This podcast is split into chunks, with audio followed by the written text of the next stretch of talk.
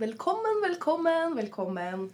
Det er Ja, hvordan dag er det i dag? Det er, det er tirsdag. Det er tirsdag. Stemmer det. Det er tirsdag.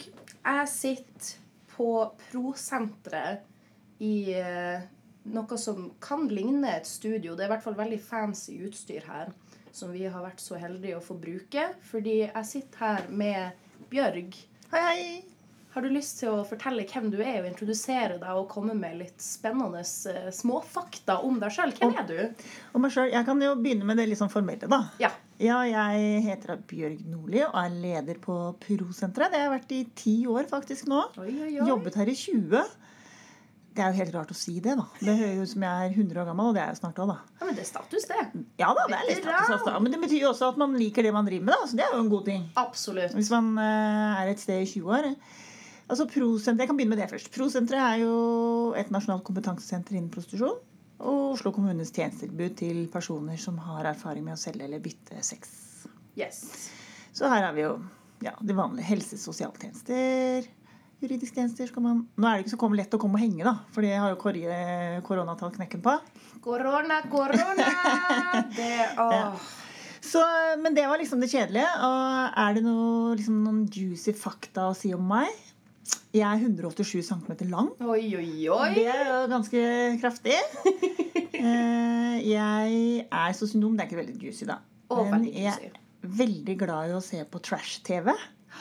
Samme her. Jo verre, jo bedre, egentlig. Går det helt ut til liksom The Kardashians? Ja da. Ja, ja, ja. Oi. Nå sa jeg det veldig høyt. Ja, det har jeg også sagt.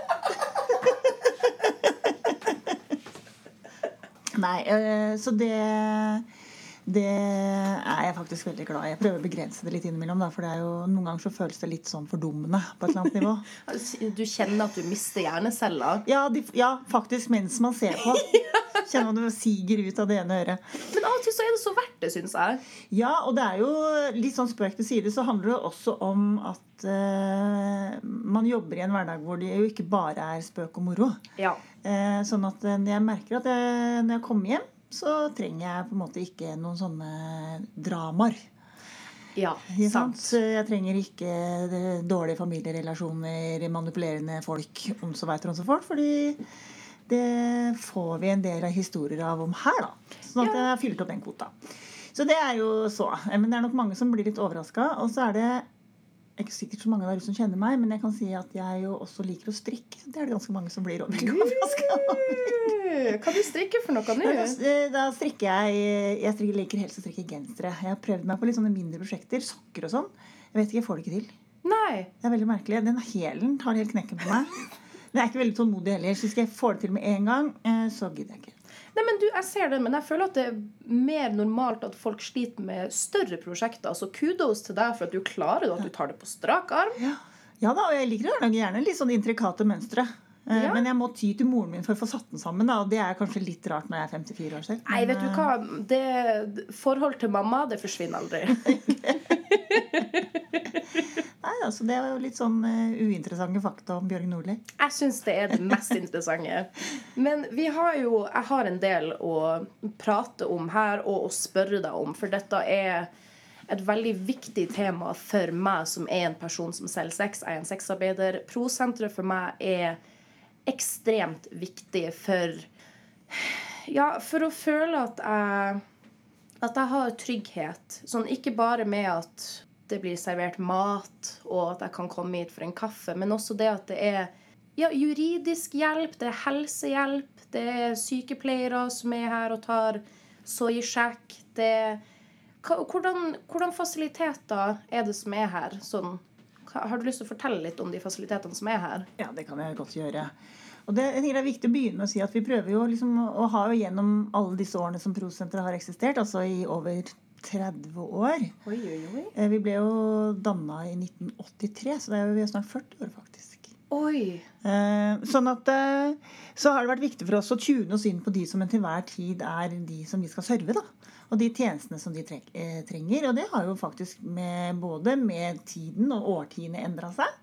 Men også med hvordan storsamfunnet og, og de til enhver tid de gjeldende strømningene rundt prostitusjon, hvordan det har vært, hvordan man har valgt å se på de som selger, og de som kjøper seksuelle tjenester. da har også preget eh, prosenteret til dels. Men det som i hvert fall er eh, veldig viktig for oss, det er jo at det skal være et sted hvor folk eh, får de tjenestene de trenger. Ikke sant? Eh, når de eh, Sånn at vi har jo da eh, de siste ja, Tiden flyr.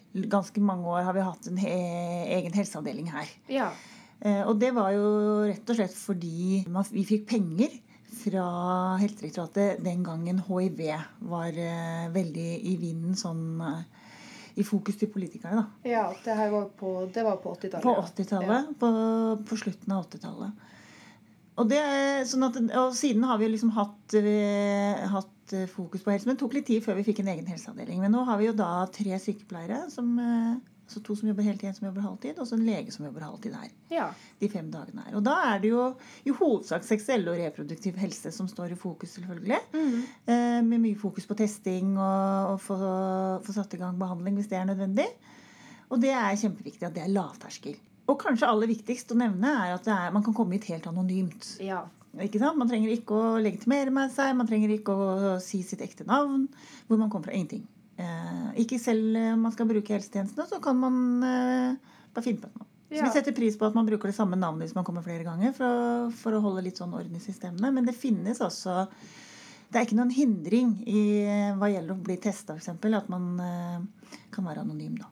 Så det er viktig å vite. Det, jeg tror det får veldig mange migranter til å føle seg ivaretatt og legitimert som eh, fokusgruppe, kan jeg tenke meg. For, for min del så er, har det ikke vært noe problem å liksom å oppgi mitt, uh, mitt lovlige navn. Det, det har vært null problem for meg, men det er jo som en meget privilegert part uh, av denne veldig marginaliserte gruppa av mennesker. Så jeg setter så pris på at dere har det som mulighet til at man kan komme hit anonymt, og gratis, ikke minst. Ikke minst det. Og det er også kjempeviktig. Og det, jeg tror du har helt rett i, og særlig for de som migrerer til Norge da, for å selge sex, så er det jo viktig at man kan være anonym. Også fordi de har jo dårlig systemforståelse ellers. Sånn at de er jo ikke vant til at offentlige myndigheter vil dem noe vel i det hele tatt. Ikke sant? Så de jo, har jo andre engstelser enn det folk som er født og oppvokst her, har. Knytta til at de tenker at vi videreformidler informasjon og alle disse tingene. da. Så selv om vi forklarer at vi har taushetsplikt, og ingenting av den informasjonen som vi får her i samhandling med dem, vil komme noen andre steder, så er det viktig. Og det senker terskelen. Og det var også en erfaring fra den gang da eh, Back in the days, da. ikke sant? At eh, hvis man skal komme marginaliserte grupper til eh, eh, komme i kontakt med dem, få dem til å bruke tjenestene, så må man på en måte gå i dialog med dem. om Hva er det folk trenger? Og da er det det å vite at man kan komme hit uten at det er noen questions asked, det er kjempeviktig. Ja, ikke sant. Jeg syns det, det er så nytt for meg på en måte å høre at det er folk som lytter til sexarbeidere og deres behov. Det er veldig nytt for meg. Ja, det kan jeg godt forstå. Og det har vært en bærebjelke for Prosenteret i, i alle år at det er brukerne våre som på en måte og de som selger seksuelle tjenester, som på en måte definerer selv også hva slags eh, hjelp og bistand de skal ha her. Sant? Eh, og det er jo i en erkjennelse av at vi har jo opp gjennom årene så ser vi at samfunnet er jo raskt ute med pekefingre. Og, og det er alle disse strømningene om at eh, det er skadelig, og det kan du ikke gjøre, og det er farlig, og alle disse tingene her. Som det også kan være for noen. Men det definerer jo ikke alle. Eh, og det er viktig da at, eh, at eh, vi holder på det skadereduserende fokuset. Og, tenker, og vi er ikke, hvem, hvem er vi til å si at folk skal endre seg? på en måte det, Det er så nydelig. Det er så nydelig det å sitte der og høre som, det. ja, og det tenker jeg at det er eh, Den personen finnes ikke, da. Folk er liksom mestere i eget liv og må få bestemme. Og selv om det vil de ta valg og beslutninger som vi både syns kan være uheldig og kanskje også dårlig på sikt. Men, men det er deres valg, da. Vi kan ikke stille oss til, til, døms for det, over dom, til doms for det. Og så er det også noe med det grunnleggende at hvis man tenker at folk ikke er autonome, da, eh, eller eh, subjekter i eget liv, at de kan ta valg, hvordan skal vi da kunne tenke at de kan gjøre ting annerledes hvis de ønsker det? Dette henger, for meg henger veldig sånn tett sammen. Hvis jeg liksom dehumaniserer deg og tenker at du er et offer for ditt eller offer for datt, eller hva nå er det du er, da, så er det vanskelig for meg å kunne si også at eh, Men har du tenkt på det, har du tenkt på det, har du tenkt på det? Vil du vurdere andre ting da, når den dagen eventuelt skulle komme? Fordi da har jeg jo på en måte sagt at du ikke er et handlende vesen. Ikke sant? Det, Noen må bestemme for deg nå. ja, den, den moraliseringa går jævlig fort over på å bli dehumaniserende. Veldig. Det, også spesielt nå under covid, med at det ble Det ble jo ulovlig i en viss periode å selge sex. Og det har jo ført til noen vansker. Det har vi pratet om i tidligere episoder også. og det, det er bare å lytte tilbake hvis dere har glemt det. Men også, jeg anbefaler alle på det sterkeste å lese den siste rapporten til Prosenteret. Eh, som også er linka i en tidligere episode. Men jeg vil bare minne på at det er Det skal ikke så mye til for å opplyse seg sjøl og andre om the struggles som vi som marginalisert menneskegruppe går Altså som vi blir møtt med da. Og det, det skal ikke så mye til. Det er hva da, 44 sider i den Ja, den er ikke store greia. Det er ikke jo det på, tatt. på nettmiddag. Man trenger jo ikke lese nødvendigvis alt heller. Du kan jo blaffe litt gjennom og finne de områdene som er mest eh, aktuelle for deg. Sant. på en måte. Uh, og det er kjempeviktig. Og jeg tenker jo ja, Man kan sikkert si mye om eh, covid og, og, og mars og nedstenging og hele greia. Eh, og den kom jo litt som julekvelden på kjerringa på myndighetene, for å si det sånn. Eh, men men man har masse erfaring med håndtering av en pandemi, og det er det som kanskje overrasket oss som har levd lenge, og også levd gjennom det hiv-tiåret, på en måte. Ja. Fordi når man når hiv-epidemien og pandemien kom, eh, så, så Først så prøvde man jo, tenkte, tenkte man jo at da, vi må låse alle inne, og de får alle slippe ut igjen, liksom. De som er hiv-positive. Eh, og tvangsbehandling og tvangstesting, og det var ikke grenser for hva slags mye rare ideer folk rundt omkring i verden hadde. Og så, så man at, skjønte man jo ganske raskt at man ikke kan se på folk om de er homoer. Og man kan ikke se på folk nødvendigvis med en gang om de har hiv heller. Nei, hvem skulle trodd? Ja, hvem skulle tro det? Og det er jo interessant eh, å, å reflektere over at når den, denne pandemien kom, som også var viktig med testing, så dro man ikke veksel på de erfaringene man hadde fra 80-tallet, som handlet om at hvis du skal komme de mest utsatte gruppene i tale, eh, så må du faktisk rekke ut en hånd og si at vi ønsker å snakke med deg. Vi ønsker å snakke med dere for å finne ut av hvordan vi skal kunne nå denne gruppa best mulig. Man må eh, rett og slett snakke med de folka man ønsker å få tak i. Da. Man kan ikke sette seg opp og bare si nå er det ikke lov å selge sex mer. Punktum. Og så er vi ferdig med det. liksom. Og så tenke at det skal gå seg til. Jeg syns det skal gå seg til. Nei, men man det, Altså Man lærer jo ikke. Nei, for Gud forby. Nei, det Jeg syns det er veldig interessant å, at du trekker frem det med eh, hiv-pandemien og hvordan koronapandemien har blitt, uh, blitt takla. For det har jo blitt takla til dels jævlig dårlig, in my humble opinion. Uh, jeg vet ikke hvor mye du har uh, sett uh, sexselgere her inne som har slitt under denne tida. Jo, nei, men Det var jo helt katastrofe. Ja. selvfølgelig. Eh, og det er jo ikke så rart. Hvis du tar levebrød fra folk, så er, du trenger jo ikke være verken eh, ansatt i FHI eller Helsedirektoratet eller være i regjering for å skjønne at hvis du tar levebrød fra folk, så blir det krise, liksom. nei. Det skjønte jo alle, og det skjønte jo egentlig alle ganske raskt. Og derfor så kom jo den haug av tilbud på plass for de som eh, hadde blitt permittert og alle disse tingene her. Og så eh, var rullegardina helt nede når det gjaldt å, å, å skjønne at hvis man skal ha en nasjonal dugnad, så må alle med. Ja. Også de gruppene man i utgangspunktet syns det er litt sånn vanskelig å forholde seg til. Ja. Og det så man jo En ting er at sexarbeid ble forbudt. eh, Men om at man ikke hadde noen tanker rundt hvordan, hvordan blir dette for dem. Hvordan skal de overleve? Hvordan skal vi få de til å forholde seg til karantener og avstander og hva vet jeg, liksom. Men uh, man så det jo også i andre marginaliserte grupper. Oh, ja. Fordi man kom ikke ut med målretta informasjon. Altså jeg trenger ikke å nevne disse gruppene nå, men vi vet jo noe om hvilke grupper hvor smitten spredte seg ganske raskt. Det var gjerne personer som har allerede, eller grupper som allerede er litt på utsiden av samfunnet, og som også trenger å ha informasjonen tilrettelagt på en måte som de forstår. Ikke sant. Og jeg synes jo, det var, jeg husker ikke hvem det var, men det var en eller annen eh, politiker som, som eh, som sa det så utrolig nydelig. Så sa at ok, dere ønsker å, å få personer som ikke har norsk eh, som, eh, som eget språk, da, i tale.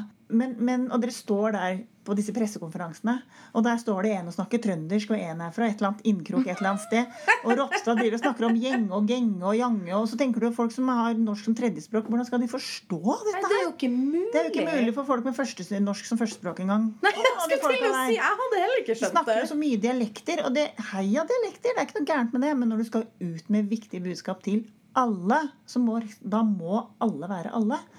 Og da må du rett og slett eh, målrette og spisse budskapet. Absolutt. Og det var jo også det vi så her. Folk skjønte jo bare, Man oppdaget jo fort at det var nedstengt, og det at det var forbudt, spredte seg jo fort i miljøet. Og det kom, ble også en del gnisninger innad i miljøet, og folk var sånn engstelige. Dere må ta ned annonser, ta ikke ned annonser. sant? Hvem skal bestemme, Sant. ikke bestemme. Eh, men så var det selvfølgelig også folk ja, plutselig sto uten inntekter. da.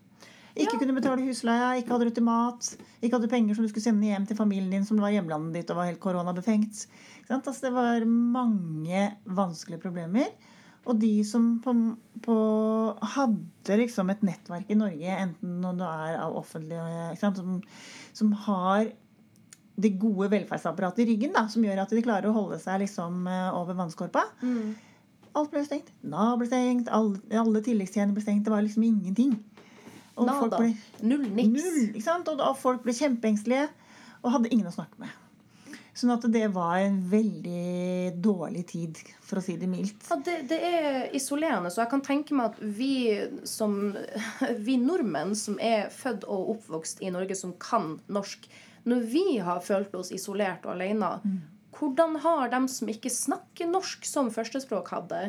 Hva, hva, hvordan i alle da, Hvor ensom tror ikke du at de har følt seg? Det er jo kjempeensomt, men også veldig he- Den følelsen av ekskludering må jo være helt overveldende. Ja. Når hele nasjonen sitter klistra til TV-en klokka tre hver eneste dag for å få den siste oppdateringen. Ikke sant? Og du bare tenker at dette Jeg forstår det ikke, da. Jeg, jeg forstår at noe alvorlig skjer, men jeg får ikke tak i hva det er, da.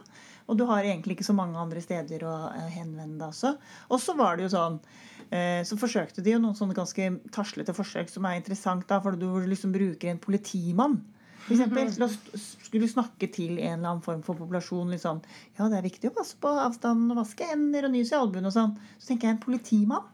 Ja, det, da, du, know your audience. Okay, Det her, for, for folk som gjerne har eh, fulgt meg litt på internett, så vet dere hva min stance på politiet er. At jeg er mildt sagt ikke en fan. Det er også en, eh, en generell mening innenfor eh, mitt miljø, innenfor eh, sexarbeidere, fordi vi har systemisk blitt behandla som ja, utøy. Vi har blitt behandla svært dårlig, kan man si. Vi har blitt kriminalisert, vi har blitt forfulgt, vi har blitt drept, vi har blitt banka, vi har blitt voldtatt systemisk av politiet. Så det at vi da at politiet da mener at de skal komme rundt og informere sexarbeidere som ikke snakker norsk engang, om at hm, det er ulovlig nå, vennen. Du kan ikke være her. Det er, det er litt det samme som når politiet går i uniform i pride. Hva gjør du der? Det er jo en veldig statement, da. ikke sant? Og det jeg tenker jo at eh, Ja, det var, eh, det var Jeg, for å være helt ærlig, så tror jeg ingen hadde tenkt egentlig på sexarbeidere når de satt oppe i Helsedirektoratet oh, og, og kokkelerte. Eh, og så ble det liksom litt sånn Oi, hva med dem? Og så bare gjorde de det forbudt. Og så hadde de ikke tenkt gjennom konsekvensene i det hele tatt. Og de hadde heller ikke tenkt gjennom hva det på sikt kunne føre til. Og jeg tenker jo at I tillegg til det at folk mista levebrød og ble isolert og, og redde, ikke minst, så klart markedet krympet jo. De fleste som eh, i hvert fall er- erfarte vi, da, de som ikke var bosatt i Norge, hadde tilhørighet i Norge, og som rakk å reise hjem, og som kunne reise hjem, de dro hjem. Og det er jo fint. Uh, og så er det jo klart en sånn, også en sånn liten glitch i vår forståelse av hvordan mennesker har det. Fordi man tenker jo, uh, Norske myndigheter var veldig sånn Ja, de som ikke har tilhørighet til Norge, de må dra hjem nå. Og så stengte jo Easier grensene. said than done. Ja, Ja, og det er fordi man, liksom, man, man reflekterer ikke over særlig to forhold. Det ene er at det finnes mennesker som jo ikke nødvendigvis har et hjem, sånn Yep. som vi tenker på det. Yep. Ja, de har et pass fra et land, kommer kanskje fra et annet, har aldri bodd i det landet de har pass fra. Ja. Har kanskje en partner en kjæreste i et tredjeland som de helst ville til, men dit kommer de jo i hvert fall ikke inn, for de har jo alle grensene stengt jo ned. Sånn at det finnes mennesker som på en måte ikke har et hjem. ja. Og så finnes det en, en god del mennesker som ikke har et hjem det var noe særlig ønskelig å reise tilbake til. Ikke, sant. Sånn at de bare sånn Hva skal vi der å gjøre? Ja, Det kommer er jo ikke til å gjøre det bedre bare med å tenke på smittevern. Ja, ok, smittevern er én ting, men det handler også om å være trygg. Selvfølgelig. Og det er liksom noe med den derre naive forståelsen som jeg opplever at en del norske samfunnsdebattanter, men også politikere har. At liksom når krisen rammer, så skal vi liksom da reise hjem til vår lune Arne. Ja, for alle har det så lunt og fint. Alle har det så lunt og godt, og det er trygt. Eh, også, Men det gikk det jo heldigvis ikke sånn kjempelang tid før liksom det klikka inn hos mange at ok, det finnes faktisk barn. Da Da Ja. begynte vi jo der, når skolene stengte og alt. ikke sant? Som, hvor dette blir veldig vanskelig, fordi hjemmet er utrygt. Og nå er alle pressa sammen, og da er det jo mye mer frustrasjonsnivå. Og det la vi også merke til i dette miljøet her. ikke sant? At frustrasjonsnivået i befolkningen ble høyt. Og det så vi jo gjennom at eh, vi fikk mange historier og fortellinger om veldig dårlige kundeopplevelser. Ja, ikke sant. Ikke sant? Og det er et, et tegn på at eh, frustrasjonsnivået øker. Fordi det var også kunder som folk kjente godt, faste kunder, hadde kjent dem over lang tid, som plutselig bare bada, på en måte. Og det, de ble tatt litt på senga da. Uh, og så var det, er det jo selvfølgelig sånn, og det er jo så trist som det går an å bli, at uh, når liksom verden blir veldig vanskelig, så er, kryper det noen veldig særegne folk ut av the woodwork som syns at Oh, yes. tiden er nå. Nå er det jeg som skal skinne i dette, oh, ja. denne miljøet. Å ja! liksom. La meg utnytte den sårbare! Ja. Eh, og, og da er det jo sånn at eh, vi fikk jo disse historiene, men de ville jo ikke anmelde, selvfølgelig. Fordi Nei, nei, nå var det jo forbudt å selge sex også. Ja, det går jo ikke i det hele tatt. Da blir jo de sjøl straffeforfulgt. Da var det, risikert for å bli straffeforfulgt. Og de turte heller ikke å oppsøke helsevesenet fordi de var redd for å bli anmeldt for brudd på smittevernloven. Ikke sant. Så det ble jo bare rot. Ja, det, det har vært eh, vanskelig å forholde seg til noe som helst i denne perioden, kan jeg tenke meg. Det, jeg har jo som sagt vært veldig heldig med at jeg har et hjem. Jeg har ei seng. Jeg har mulighet til å holde meg hjemme da det kom med tilbake i mars og det ble sagt 'hold dere hjemme'. Jeg var heldig nok at jeg hadde et hjemme. Det var ikke alle som hadde det. Og det med at det ble ulovlig å selge sex, gjorde jo at, som nevnt, det var mange som fjerna eh, annonsene sine online. Men så er det jo ikke alle som jobber online. Det er mange som jobber på gata også. Har du fått noen, noe innsikt og historier om hvordan situasjonen for dem endra seg? Ja, altså På mange måter så var jo det den kanskje en gruppa som ble hardest rammet. da. Ja. Fordi eh, mange av de som jobber eh, online, de, ja, de, altså de merket jo også selvfølgelig at kundetilgangen ble, ble liten. Og, og at det, mulighetene krympa inn. Vi så jo det, at det var mange annonser som forsvant. Absolutt. Og så er det jo, har man kanskje litt større mulighet til å leve av faste kunder. og sånn, De som eh, i hvert fall er litt sånn erfarne, da, og ikke Ja. er helt nye oppstarta. Eh, men ute på gata så ble det jo helt dødt. Det var jo nesten ikke et menneske noen steder. Ikke sant? Og hvis du er avhengig av offentligheten, så, så blir det jo veldig veldig vanskelig. Ja, Hva gjør man da når det ikke er et menneske som går? Nei, det er jo helt umulig, da. Sånn at de var jo, ble jo satt i en veldig vanskelig situasjon. Mm. Og, og en veldig sårbar situasjon. da, fordi hvis det kom et menneske tastende, så måtte du nesten tillate hva som helst. ikke sant? Ikke sant? Eh, Og hadde vel, du var i en veldig dårlig forhandlingsposisjon. da. Fordi selv hadde om ikke råd til å si nei. Hadde ikke råd til å si nei, hadde ikke mulighet til å si nei. eh, Selv om jeg opplever at de som jobber på gata, er jo veldig gode på forhandling. Og de oh, ja. bruker forhandlingen som en måte å sesse ut på er dette en person som du har lyst til å være med eller ikke. Og, og har masse teknikker for hvordan de kan avvise folk på en litt sånn hyggelig måte. da. Absolutt. Eh, Men nå var det jo eh, Hadde du ikke råd til å avvise noe som helst, da. Eh, Men det var heller ikke noe eh, jobb. Det var eh, helt stille. Ja, og det, det er jo fascinerende da å se at likevel så trådte ikke staten inn. Men jeg tror også det har mye med at sexarbeid blir ikke sett på som arbeid. Nei, det gjør det, nok, det gjør det jo ikke det. Nei. Og det er sånn Rent juridisk så er det jo ikke definert som arbeid Mm. heller. Og så er det jo på en eller annen måte ikke sant? Når man fikk sexkjøpsloven da, back in the days for ti år siden, så, så greide jo det eh, så, så kan man jo si at selve sexkjøpsloven har noen negative konsekvenser i seg selv. Men den største utfordringen med sexkjøpsloven er jo egentlig at den tar fokus fra så veldig mange andre områder. Og så får den noen slagsider, som, blant, som jeg har sett f.eks. i i domsavsigelser. Med alt fra Særlig knytta til eh, retten til erstatning. Sant? Hvis du har blitt utsatt for noen ting. Fordi man, gjennom den loven så, så vil det eh, mange, og en del dommere hevde da, at eh, sexsalg er en uønsket aktivitet. Ikke sant? Eh, det er ikke noe vi, vi, vi ønsker ikke å ha det i samfunnet vårt. Mm. Uten at det begrunnes noe nærmere. Eh, og fordi det har blitt sånn, så kan vi heller ikke tilgodese personer som selger sex med noe som helst, fordi da ville det på en måte undergrave denne ideen om at dette er uønska. Man kan ikke både si nei, vi vil ikke ha det, og så gi ordninger for at folk kan være i det.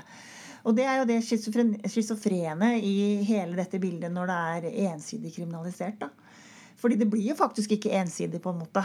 Selv om det på papiret er fortsatt av lov, så vil jo folk som selger seksuelle tjenester, gå litt mer i dragsuget. Absolutt. Og det syns jeg vi har sett i disse ti årene også, på måten eh, De første ti årene jeg var på Prosenteret, da, hvor det jo ingenting var forbudt. Eh, og vi jobbet hardt for å liksom få til en normal dialog rundt det å kjøpe og selge seksuelle tjenester. Man skal slutte å bruke H-ord, ikke sant. Alle disse tinga her. Og jeg syns vi kom veldig langt. Og så kom den loven, og da var vi plutselig rett tilbake igjen til H-ordet og Mm. en helt annen måte å anskue også de som selger seksuelle tjenester på. Som er kjempetrist. Eh, Men det får jo da selvfølgelig også konsekvenser i denne situasjonen som vi snakker om nå. Når man da er avhengig av og burde være med i regnskapet til AS Norge. For nå var det jo en veldig spesiell situasjon, og det var jo alle skulle bidra til eh, denne dugnaden for å holde smitten unna livet. Eh, Og da må man jo mene alle. Eh, og så skulle man jo sette på plass en haug av tiltak for at folk ikke skulle sulte i hjel mens vi venta på vaksinen. um, og det, vi ser nok en gang da, at når eh, politikere og andre snakker om alle, så er det, er det ikke alle. Nei, nei. nei, nei. Det er bare de som på en eller annen måte blir funnet verdig. Og selv i en så spesiell situasjon som vi har vært nå i dette året her, så har myndighetene ennå ikke vært i stand til å svare på om man ønsker å sette de mest utsatte gruppene, sexarbeidere er blant dem, men også, an, også grupper som oppholder seg i Norge papirløst f.eks., Ja. eh, i stand til å følge smittevernreglene ved å gi de tilgang på ytelser i en svært tidsbegrensa periode. Ja, det, det, jeg, jeg syns det er meget fascinerende at eh, i dette tilfellet sexarbeid har blitt svartmalt så mye i media og av staten med at vi blir sett på som stakkars prostituerte som eh, ikke har noen andre muligheter, og som det, vi bare er offer, offer, offer. Men likevel, selv om de ser på oss som offer, så strekker de ikke ut ei hånd for å hjelpe til. Så vi blir, vi blir offer som blir stående alene, og likevel så plager det dem ikke. Nei, og det der er eh, Det er eh, utrolig vanskelig å komme igjennom eh, til det politiske nivået særlig med, med en, en sånn, et forsøk på å si ok, men hvis dere skal hjelpe For det, de vil jo veldig gjerne hjelpe. ikke De sier det i hvert fall. Ja, det sier de. Altså Festtallene er jo veldig tydelige. Og, ikke sant? og man kan jo se, Du kan jo se på regjeringsplattformen som kom den siste nå, Granavolden-plattformen. Og det skal være alternativer, og det skal være ditt, og det skal være datt. Uh, og så er det sånn Ja, men how? Uh, og fordi de som er bosatt i Norge?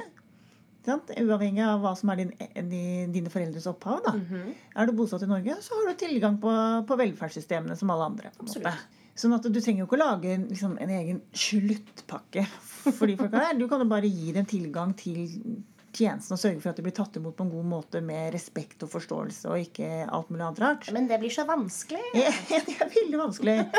Men så har du jo en ganske stor gruppe personer som selger seksuelle tjenester, som jo ikke nødvendigvis har automatisk rett inn her. da. Og det er jo her utfordringen blir. For det eneste jeg kan si deg sånn, det er kjempefint. Kommer dere til å gjøre noe med, med oppholdsgrunnlaget til disse folka, sånn at de faktisk kan melde seg på både dugnaden og de godene som dere nå mener at folk skal ha tilgang på. da, Utdanning og hva vet jeg. Og da blir det helt stille, selvfølgelig. Ja, det, det er Sånn at det er jo sånn at man kan bli ganske Ja, ikke sant?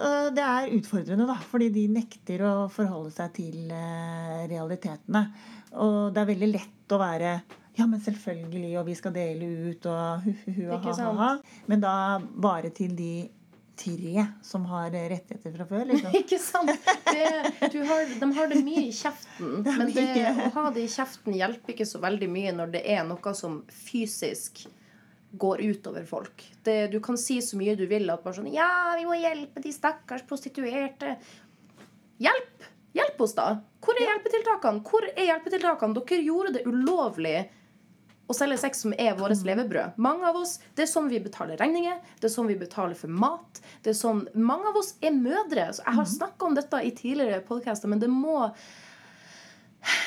Dette er jo åpenbart et sårt punkt for meg fordi det er ei, ei gruppe som jeg er med i. Men ikke bare jeg, masse av vennene mine er også med i det. Og det å se at vi blir omtalt som smittebombe, f.eks. Det var jo en stor sak med at nei, nei, vi, de som selger sex, er smittebombe fordi de går rundt og puler folk. Ja, ja, nei, altså det er jo Hva høres det ut som? Er, er ikke det rep- reprise fra sent 80-tallet? Det er jo repriser for de alle tiårene, egentlig. Eh, ja, selvfølgelig. Og det, og det er jo på en eller annen måte litt sånn fascinerende, da. Eh, og veldig, veldig trist, selvfølgelig. Men også at man jo ikke greier å sette seg ut av disse veldig konforme rammene på hvordan verden skal se ut. Ja. Eh, Og selv ikke midt oppi den pandemien eh, som vi sto, har stått i nå, da, eh, og når det sto som på verst i, i, mars-april, og som vi på mange måter er på vei inn igjen nå, Likevel så greier de ikke å sette seg ut av liksom Nei, du har ikke rett til hjelp på folketrygden, du har ikke betalt skatt, da blir det ikke noe hjelp å få. Eh, Og, og det er liksom, men du kan ikke stå på den ene siden og stå og si alle må eh, må ofre masse. Ikke for å være med venner, ikke for å være med familie. Hold avstand, vask hender, sitt på hjemmekontor, ikke gå på skole. Ikke møtes sosialt, ikke gjør noen ting. Alt stenger ned. Og så har du en liten gruppe som jo på en måte lever av å selge seksuelle tjenester. Og så vil du likevel ikke gi dem tilgang til de offentlige godene. Altså det, Milliardene renner ut Ja, ja. til kreti og pleti. Og i hvert fall særlig kreti. eh, men, og du tenker at du Det hadde jo vært en lite komma i det regnskapet og gitt de få personene som tross alt selger seksuelle tjenester i Norge. Det er jo ikke, vi snakker jo ikke om horder. Nei, nei, nei. Eh, nok til å kunne leve av eh, gjennom denne perioden. Og som jo da kunne ha lent seg tilbake igjen og tenkt jeg skal ikke bidra med å sette meg, hverken meg selv eller andre i fare, sånn som vi alle gjorde. Men det det er jo hallikvirksomhet, det. Ja, det kan man si. Eh, men, forutsetningen her ville jo ha vært at, eh, at eh, fordi vi hadde den situasjonen som vi hadde med smitte, så skulle man jo la være. Og man fikk liksom yrkesforbud da når, når straffeforbudet kom. Ja. Sant? Som frisører og massører og alle andre som måtte la være å jobbe. Og da får man gi dem penger isteden, da. Ikke oss. Nei. And why? Nei, vi må bare synke ned i jorda. Kanskje vi skal dø også. Det er jo, det er jo også en ting det med at du nevnte det med, med skatt. Jeg syns det er så fascinerende at det er veldig mange som begrunner sin avsky til sexarbeidere med at ja, men de bidrar ikke til samfunnet, de betaler ikke skatt. Fortjener folk å dø for at de ikke har mulighet til å betale skatt? Hvordan Nei, menneskesyn er det? Det er et veldig trist menneskesyn. Ah, det, altså. det, det går ikke. Jeg blir, jeg blir forbanna. Jeg blir forbanna. I tillegg fordi skatt er vanskelig. Skatt er kjempevanskelig. Jeg satt i hele går og prøvde å drive med skatt for første gang som selvstendig næringsdrivende. Jeg har et eget et sånn, hva heter det, enkeltpersonforetak. Jeg har det. Prøvde å lage et regnskap. Jeg skrev inn alt. Jeg tok med studielånet mitt. Prøvde å beregne skatt. Tydeligvis er det noe som heter forskuddsskatt. Det hadde jeg aldri hørt om. Aldri hørt om det. Nei, det er jo kjempevanskelig. Det er dritvanskelig. Eh, og det er komplisert. Og det er jo også sånn at, uh, at uh, når man skal drive en butikk, så burde man egentlig ha en regnskapsfører og alle disse tingene her for å hjelpe til. Da. Og det er jo ikke så enkelt, det heller. Og de kan jo faktisk bli uh, tiltalt for å hallikvirksomhet. da. Ikke sant? Fordi man bidrar til at uh, du da f.eks. kan fortsette å selge seksuelle tjenester. Ja. De fremmer min prostitusjon. De fremmer din prostitusjon, da. Men det er jo interessant at du skulle trekke opp skatt, da. Fordi uh, jeg har akkurat de siste dagene sett litt på et vedtak som Skatteklagenemnda laget. Jeg, tro, jeg trodde jo det var eh, to måneder siden, men tida flyr. Det var i september i 2019. For da kom det egentlig litt sånn gjennombrudd. Eh, og det dukket opp igjen gjennom en samtale med noen av de som bruker oss. altså Skatteklagenemnda er de som på en måte avgjør en klage på skatten. da, Men de er også en helt uavhengig nemnd, og det, de beslutningene de tar, blir på en måte en slags rettskilde for hvordan man skal forstå eh, lovverket. da. Og da, etter mye om og med en lang utgreining, jeg skal ikke ta den her, så falt de ned på at eh, salg av seksuelle tjenester verken skulle være skatt eller momspliktig. Right. Med mindre det kom en lovendring som tydeliggjorde. Eh, fordi eh, ja, all, skatt, all inntekt er skattbar og hu-hu-hu og ha-ha-ha, som vi har hørt lenge. Men fordi eh, langt på vei, da, fordi det aldri har blitt praktisert, og det har blitt praktisert veldig ulikt, og informasjonen er ikke tilgjengelig, og ja, alle disse tingene her, så, så, og sikkert andre ting også, man må lese vedtaket for å få det fulle bildet. Så landa de på det. Og da tenkte jeg ja, men heia, liksom. Kanskje vi nærmer oss en eller annen form for eh, Og så plutselig, fordi dette dukket opp igjen gjennom en samtale, så tenkte jeg hvor blei det av egentlig den saken? Hva skjedde nå? Fordi på disse vedtakene til Skatteklagenemnden så kan Finansdepartementet kan prøve å, overprøve vedtaket dersom de er uenige i konklusjonen. Eh, og det gjøres veldig veldig sjelden, men det har blitt gjort. Og da tror jeg de faktisk må ta saken til retten. Å. Men uansett, eh, jeg ringte og, eh, og snakket med en saksbehandler i Skatteklagenemnden og sa hallo, ble det av denne saken? Hun ble tatt litt på senga, sto i butikken. Hun sa men jeg er ikke på jobben, eh, kan du sende en e-post? Så det gjorde jeg. Men før jeg, hun, eh, dette skjedde i går, før hun rakk å svare, så så jeg at det i går kom en uttalelse fra det som heter tolknings... En, en tolkningsuttalelse fra Finansdepartementet, altså skattelovavdelinga der, da. Som jo selvfølgelig var helt uenig i Skatteklagenemndas eh, Vedtak. Og vips, så var vi litt tilbake igjen på rute én, da. Men jeg skal følge opp den saken, for jeg syns det er litt interessant. Fordi vi må veie det opp mot hverandre, da. Er, kan to, to personer som sitter og tolker noe inni, inne i Lovavdelingen i Finansdepartementet, overprøve Skatteklagenemndas vedtak? Settes det det til side? Det mente Skatteklagenemnda. Nei. Men Hvor er vi da? Da har vi to forskjellige meninger. Så fortsettelse følger. Ja. Men skatt er vanskelig både juridisk og ikke minst praktisk. Ja, det, det Jeg kjenner jeg blir så frustrert. For én ting er at grunnen til at jeg liksom skatter, er for at jeg gikk jo over til nettbaserte tjenester hvor jeg camma, jeg solgte bilder pga. Eh, pandemien, og at jeg hadde mulighet til det. Så jeg gikk over til det, så vil jeg si at jeg fikk penger online. Jeg fikk penger på kortet mitt, så det var ikke sånn juridisk sett svarte penger. Det var ikke det fordi de gikk inn på kontoen min. Og da tenkte jo jeg ja, men herregud, det er jo klart at jeg skal skatte av det. Ja, ja, ja, jeg kjører på. Det er ikke alle som har mulighet til det. Det er ikke svart-hvitt. Det er ikke svart-hvitt. Og jeg blir, jeg blir veldig frustrert når det blir forenkla og, og dumma ned til at det er så enkelt som at «Øh, Ja, betaler du skatt, da? Ja, og Det er jeg helt enig i. Og fordi det er jo mange andre i Norge som ikke betaler skatt også. Ikke som sant? likevel eh, vi tenker at har rett på å få tjenester fra velferdsstaten. Ja da, men ikke vi.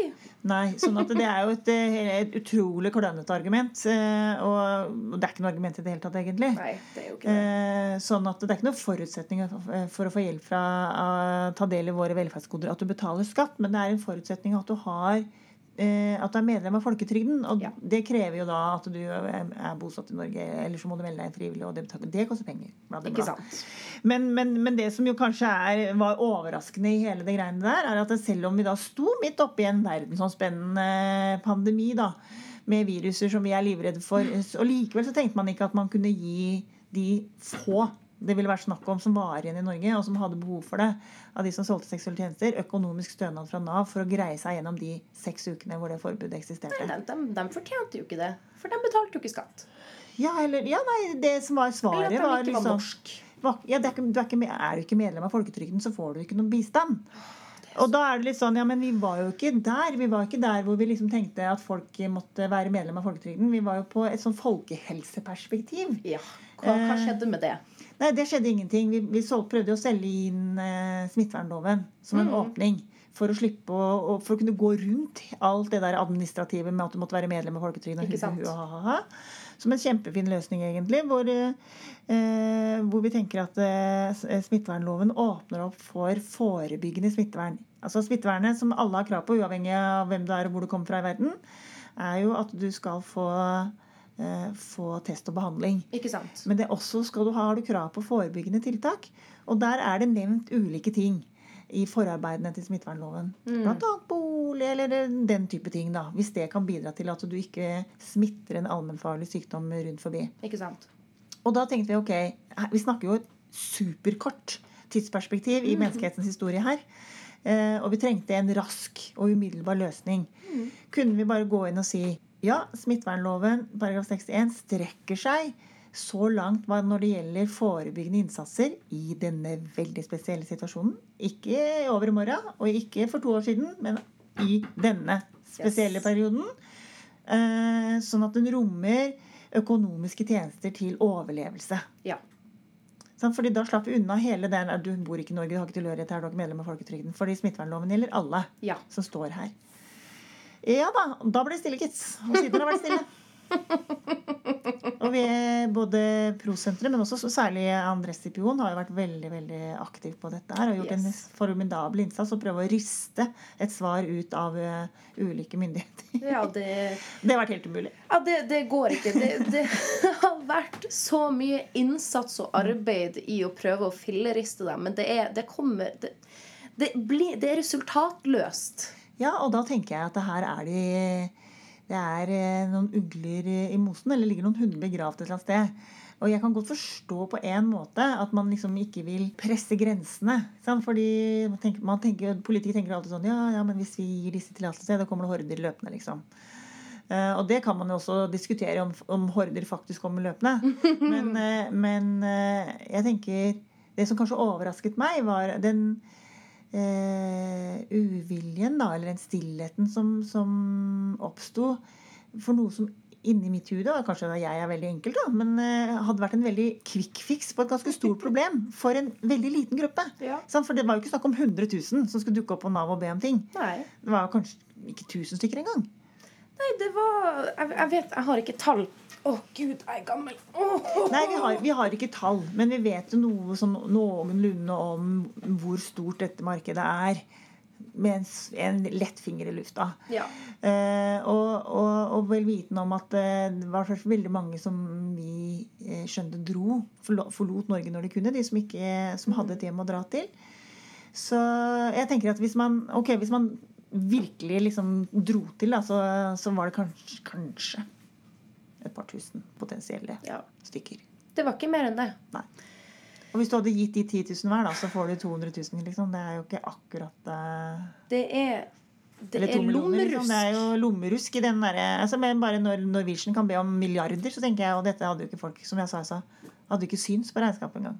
Nei, ikke sant? Det, der ser man når uh, Når profitt og penger kommer over mennesker og menneskeliv. Ja, og bare, og så tenker jeg jo, Vi ville jo ikke selge inn som du var inne på i sted, som smittebomber og sånne type ting. Men, men det var på et eller annet merkelig vis også viktig å gi eh, informasjon om at, eh, at personer som selger seksuelle, tjenester, ja, det er en marginalisert gruppe i samfunnet vårt, men de deltar jo i samfunnsveven. Absolutt. I, sånn, I motsetning til f.eks. veldig mange rusavhengige som man hadde veldig stort fokus på. Det var bra, for der kunne det ha skjedd eh, katastrofale ting hvis det hadde blitt en stor smittespredning der. Oh yes. Og så ble man litt sånn overraska over, for det var jo knapt nok en rusbruker som blei, har vært positiv.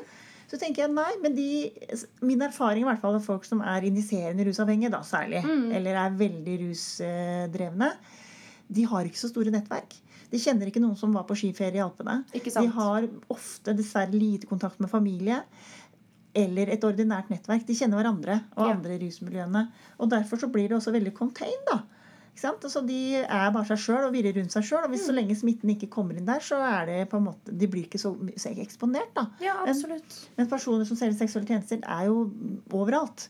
Og det er en god ting. da. De deltar i samfunnet. De er, som du sier, har barn, familier, er i barnehage, Mm. henter på skolen, går i butikken. altså er jo en del av alt det vi andre er en del av.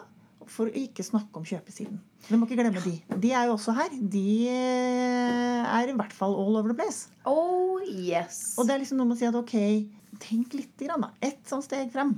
Fordi kundesiden Ja, noen, mange forsvant, men de, mange ble igjen. Og de var ikke spesielt opptatt av smittevern og dugnad. Nope. Det, det var lite sånn. fokus på det. Altså, det var Jeg tror det var mindre fokus på smittevern blant sexkjøpere enn av sexselgere. Ja, det tror jeg så gjerne. Absolutt. Det, altså, det er jo mye av den stigmaen som kommer med eh, salg av sex, hvor det er konnotasjoner som kommer med det, med f.eks. den smitten. Og ikke bare av koronavirus, men da altså kjønnssykdommer. At vi blir sett på som smittebærere. Og det er jo fascinerende da hvordan den konnotasjonen ikke automatisk går over til dem som kjøper sex. Ikke at jeg, ikke at jeg mener at de fortjener å ha eh, den betegnelsen, men jeg syns det er fascinerende hvordan samfunnet automatisk og systemisk går til angrep mot dem som selger, men ikke dem som kjøper. Dem som da er i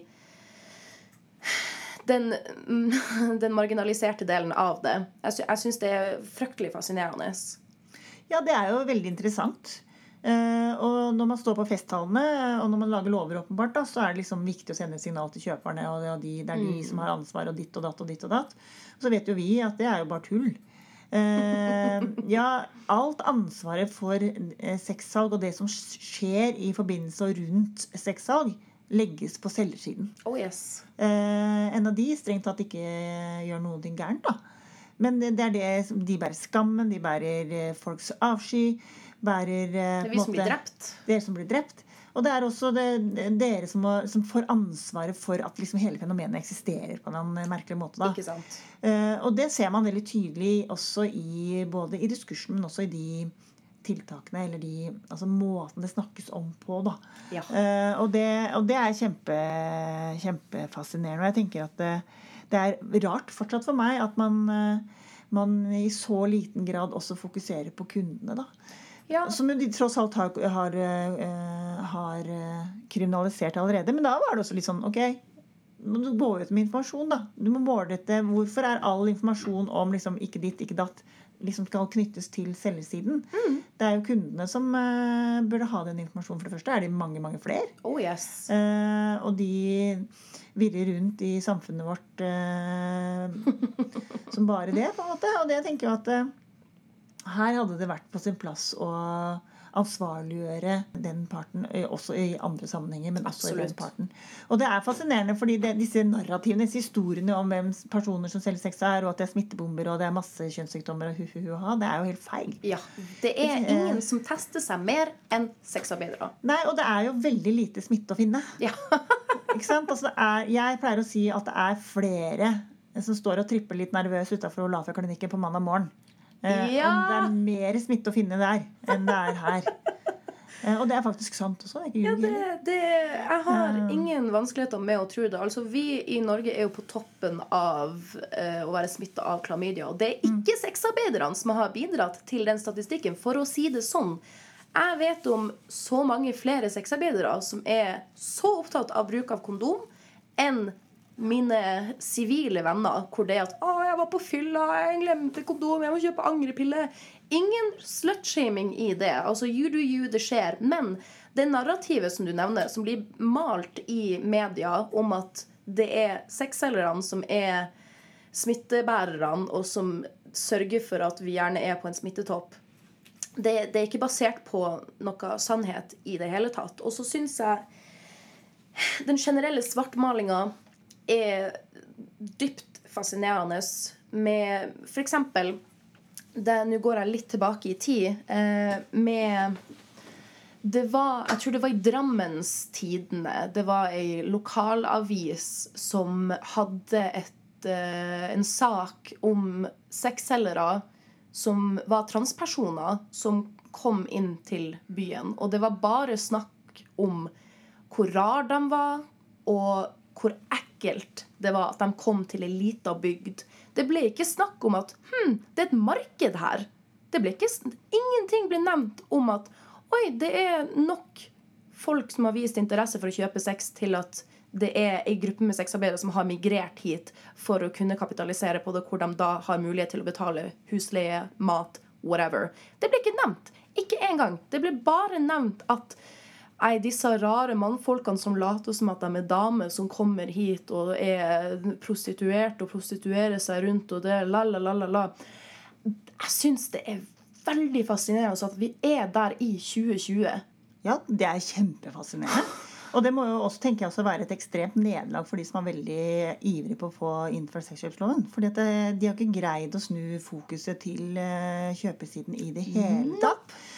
Og særlig litt mindre steder så blir man ekstremt opptatt av de som selger. Ja. Eh, og blir sånn, Hvorfor kommer dere hit og hu-hu-hu, som du sier? da? Og det er jo fordi det er penger å tjene der. ikke sant? Og, og ja, vi har jo sett mange eksempler på det gjennom årene hvor det er noen eh, som har eh, dukket opp i, på små steder. Så blir det eh, er det ingen, Jeg har ikke sett et eneste oppslag som handler om altså fra sånn type Menn i Moelven kjøper seksuelle tjenester. Eller kvinner, for den saks skyld. Ikke sant? U, svære overskrifter. Å, fælt. Nei, og her må kommunen gå inn, og her må vi informere, og her må vi ditt, og her Og politiet må stå ut og si ja, dette er forbudt, og det, nå må vi øke innsatsen for å ta kundene. Det skjer ikke i det hele tatt. Det er sånn Vi har observert eh, to kvinner, eh, sikkert med rombakgrunn, som tasser rundt i Moelv, og så de selger seksuelle og, og, og dette er helt katastrofe for lokalsamfunnet vårt, på en måte. Og det er, eh, så sånn sett så, så kan man jo tenke at man har ikke kommet et skvatt videre, da. Nei. Man er eh, Altså om det er 1820, 1920 eller 2020, spiller ingen rolle, på en måte. Jeg tror nesten det var lettere i 1820-tallet, for da var det gjerne utbredt Var det ikke mer utbredt med bordeller på den tida? Eller tar jeg helt feil nå? Ja, jeg må innrømme at jeg kan ikke historien så godt, men det var jo, det var jo også før man liksom eh, gjorde bordellforbud, så var det jo mange Men ved århundreskiftet mellom 1800 og 1900 i Oslo, så var det jo Jeg har en sånn liten notis fra en gammel avis fra den tiden. Var det var regnet med at det var 6000 kvinner som solgte sex i Oslo. There you go! Ikke sant? Og, det, og da hadde man, for da hadde man jo hele den migrasjonen fra landsbygda inn til byen. Fordi man tenkte at vi må jo overleve. ikke sant? Og det gjør man jo ikke når man kommer tussende som 16-åring fra, fra en eller annen avkrok ned hit. Nei, altså Sentralisering er absolutt en, en stor del av eh, Ja, av det bildet vi har av uh, sexselgere. da. Det med at det er gjerne helt normale folk som har bodd ute på bygda, og som bare har lyst til å tjene mer penger, og da naturligvis flytte inn til byen. Dette er jo ikke noe nytt. Nei, Det er ikke noe nytt i det hele tatt. Og det er ganske sånn interessant, fordi hvis man ser det, hvis man liksom flytter den migrasjonen da, som skjedde da, over til, eh, til eh, situasjonen i dag, så ser vi at de som kommer migrerende, riktignok nå fra andre land da, i Europa til Norge, er jo akkurat den samme formen for migrasjon. Du, du, du drar hjemmefra, da, ikke fordi du syns det er så utrolig spennende, men fordi du tenker at det, dette er kanskje en mulighet til at jeg kan eh, eh, sikre meg selv og, og familien min hjemme økonomisk. Og løfte oss sjøl ut av den fattigdommen, eller ressursfattigdommen, som vi er i da. Tar ansvar sjøl for egen ansvar. Rett og slett. Og så er det da de fleste som migrerer, ender jo heller ikke opp i prostitusjon, men de er jo andre, og så er det noen da som, eh, som eh, mer eller mindre motvillig eller frivillig tenker at ok, jeg må, selger nå seksuelle tjenester i denne tiden her for å prøve å liksom eh, få grep om min egen livssituasjon. Ikke sant? Og, altså, det er jo ikke noe pussig med det. Ikke i det hele tatt. Det som er pussig, er at man ennå ikke skjønner at det er det det handler om. da.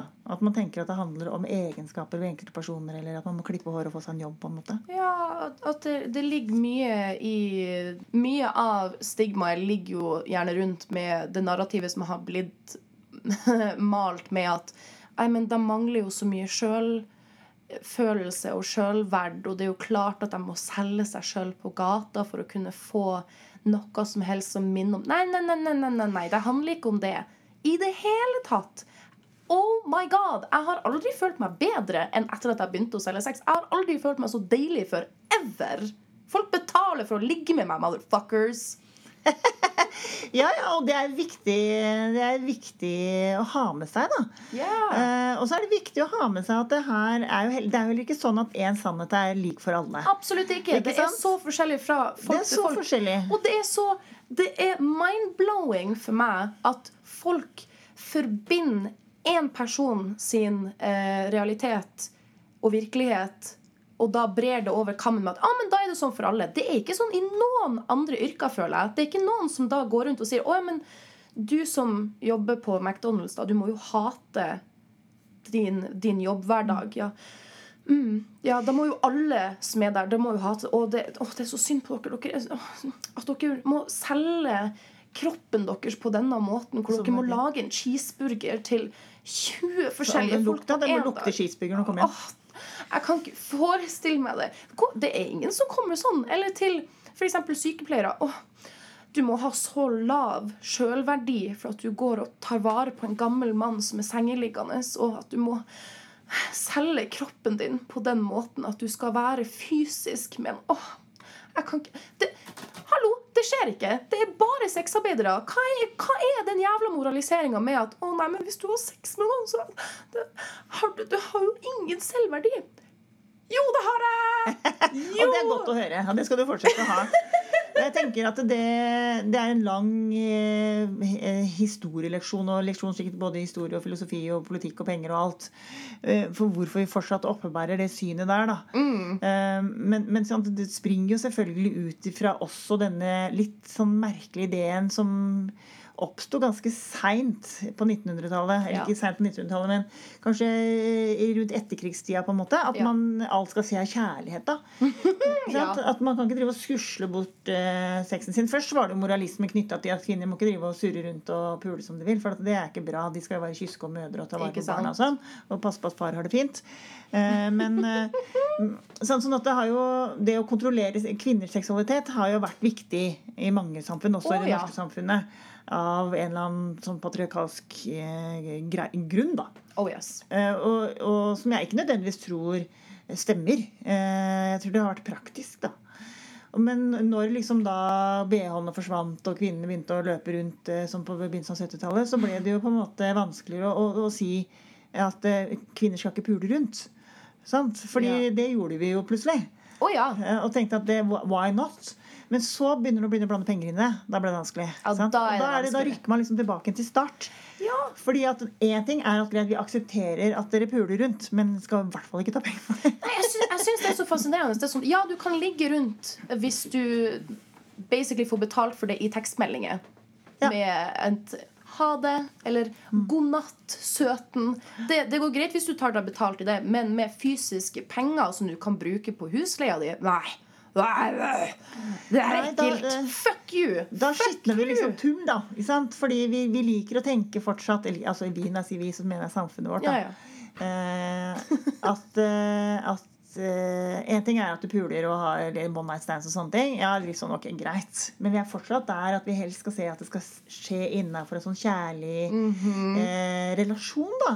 Og det tenker jeg også er litt sånn interessant in this day and age. At vi fortsatt har sånn Ok, vi aksepterer at det kan være samkjønna par nå, da, i hvert fall. Men, Takk Gud. sant? Men, men likevel så skal det helst være et par før puling skjer. Ja, hva, hva er greia med det? Er, det? er det at vi er så opphengt i at vi skal formere oss? Ja, og det er i hvert fall sånn standardargument som går igjen, og som jo også gikk igjen eh, for alle de som argumenterer mot samkjønna par. Da. Så tenkte jeg, Men uansett hvor hardt du hadde prøvd, så hadde ikke blitt noen flere, vi hadde jo ikke fått flere unger for det. Om vi, vi hadde ikke pult på de, de andre allikevel. Liksom. Sånn, Pluss en Men, ting eh, som også jeg føler at det er viktig å ta med der, er at samkjønna par kan også få barn fordi transpersoner er virkelig Altså, det finnes ikke bare den binære og du er, du er en kvinne, og hvis du, ba, hvis du har vagina, da er du automatisk en kvinne. Du er en mann automatisk hvis du har en penis. Nei, nei, nei. nei. Altså, det finnes mange samkjønna par som kan få barn.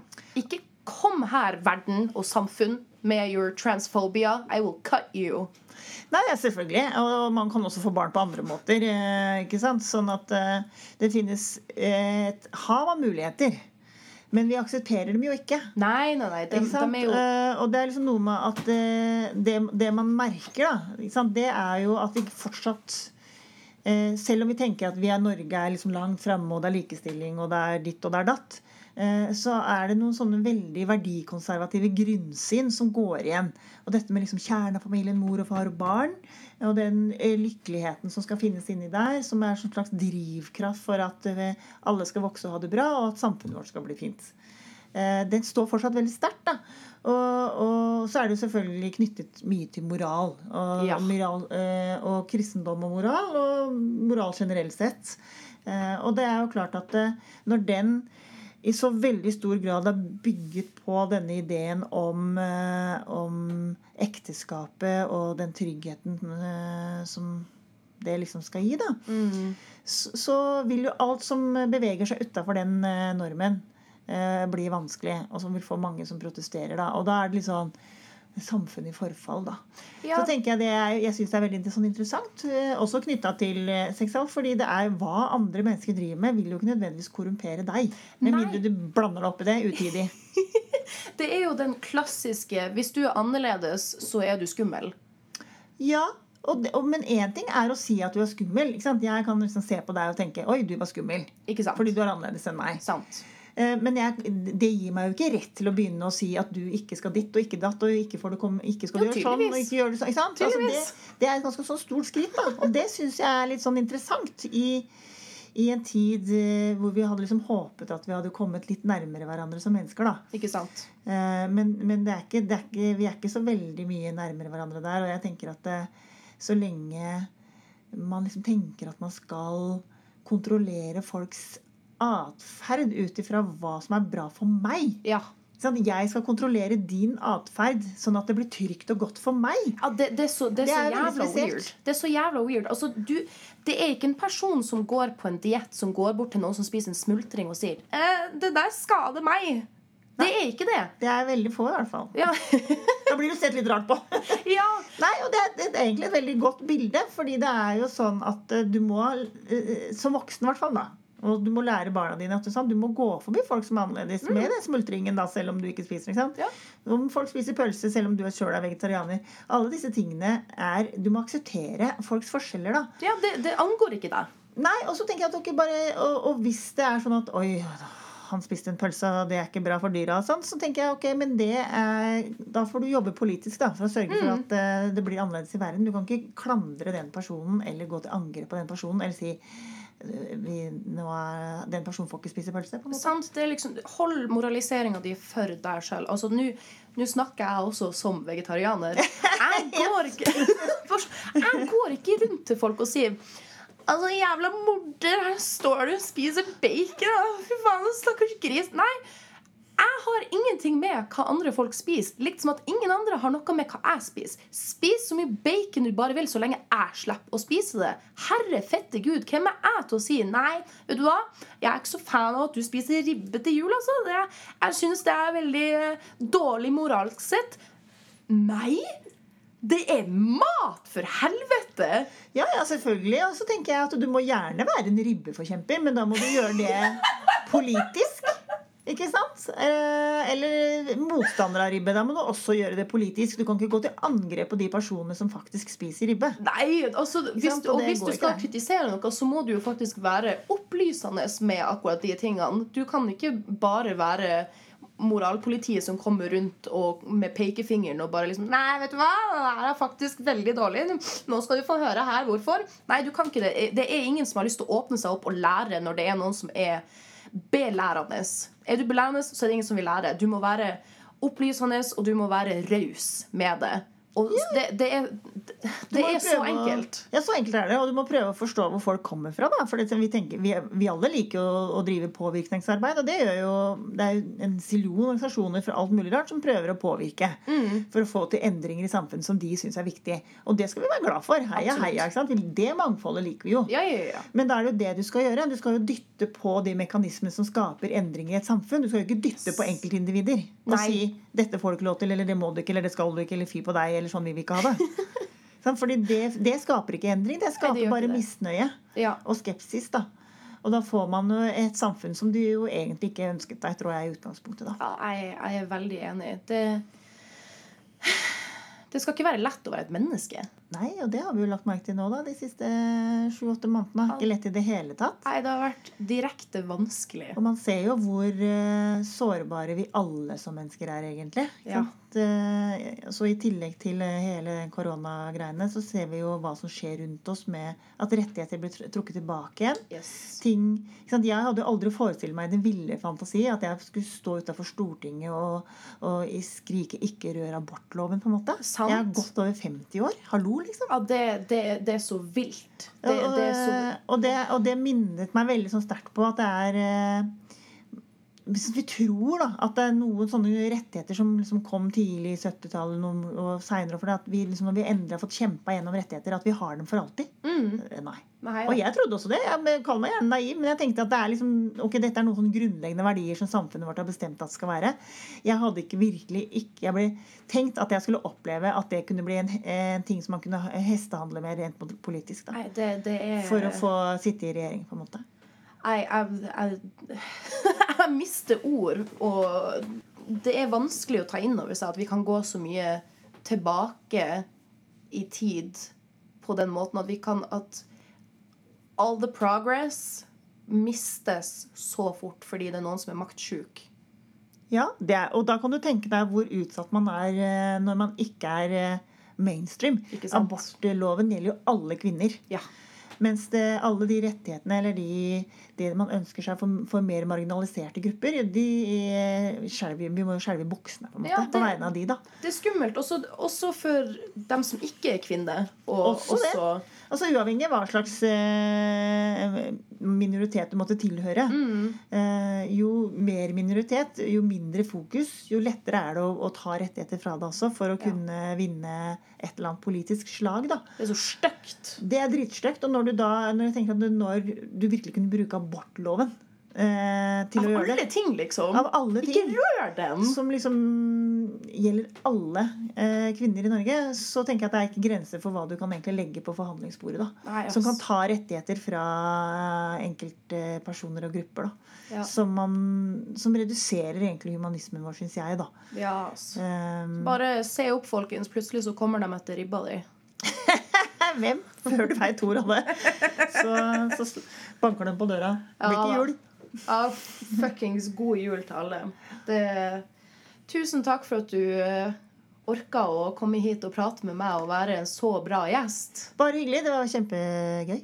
Så bra. Det, jeg setter veldig pris på at vi har sånne folk som deg som driver med ja, Kan jeg kalle det opplysningsarbeid, Ja, nærmest? vi driver masse med det. Ja, og at det er ikke bare det, men at du også er så varm og inkluderende, og at du er villig til å bruke tida di på opplysning og, og lære og ja, jeg, bare, jeg, jeg sitter og bare sånn jeg, jeg blir helt varm inni meg for at vi har sånne som deg og Prosenteret. Det er helt nydelig. Tusen takk for at du Selv takk. Det var veldig hyggelig. Og så takk til alle som har hørt på. Det er en eh, Det er en hard tid vi er inne i, så hold rundt hverandre og tips en sexarbeider.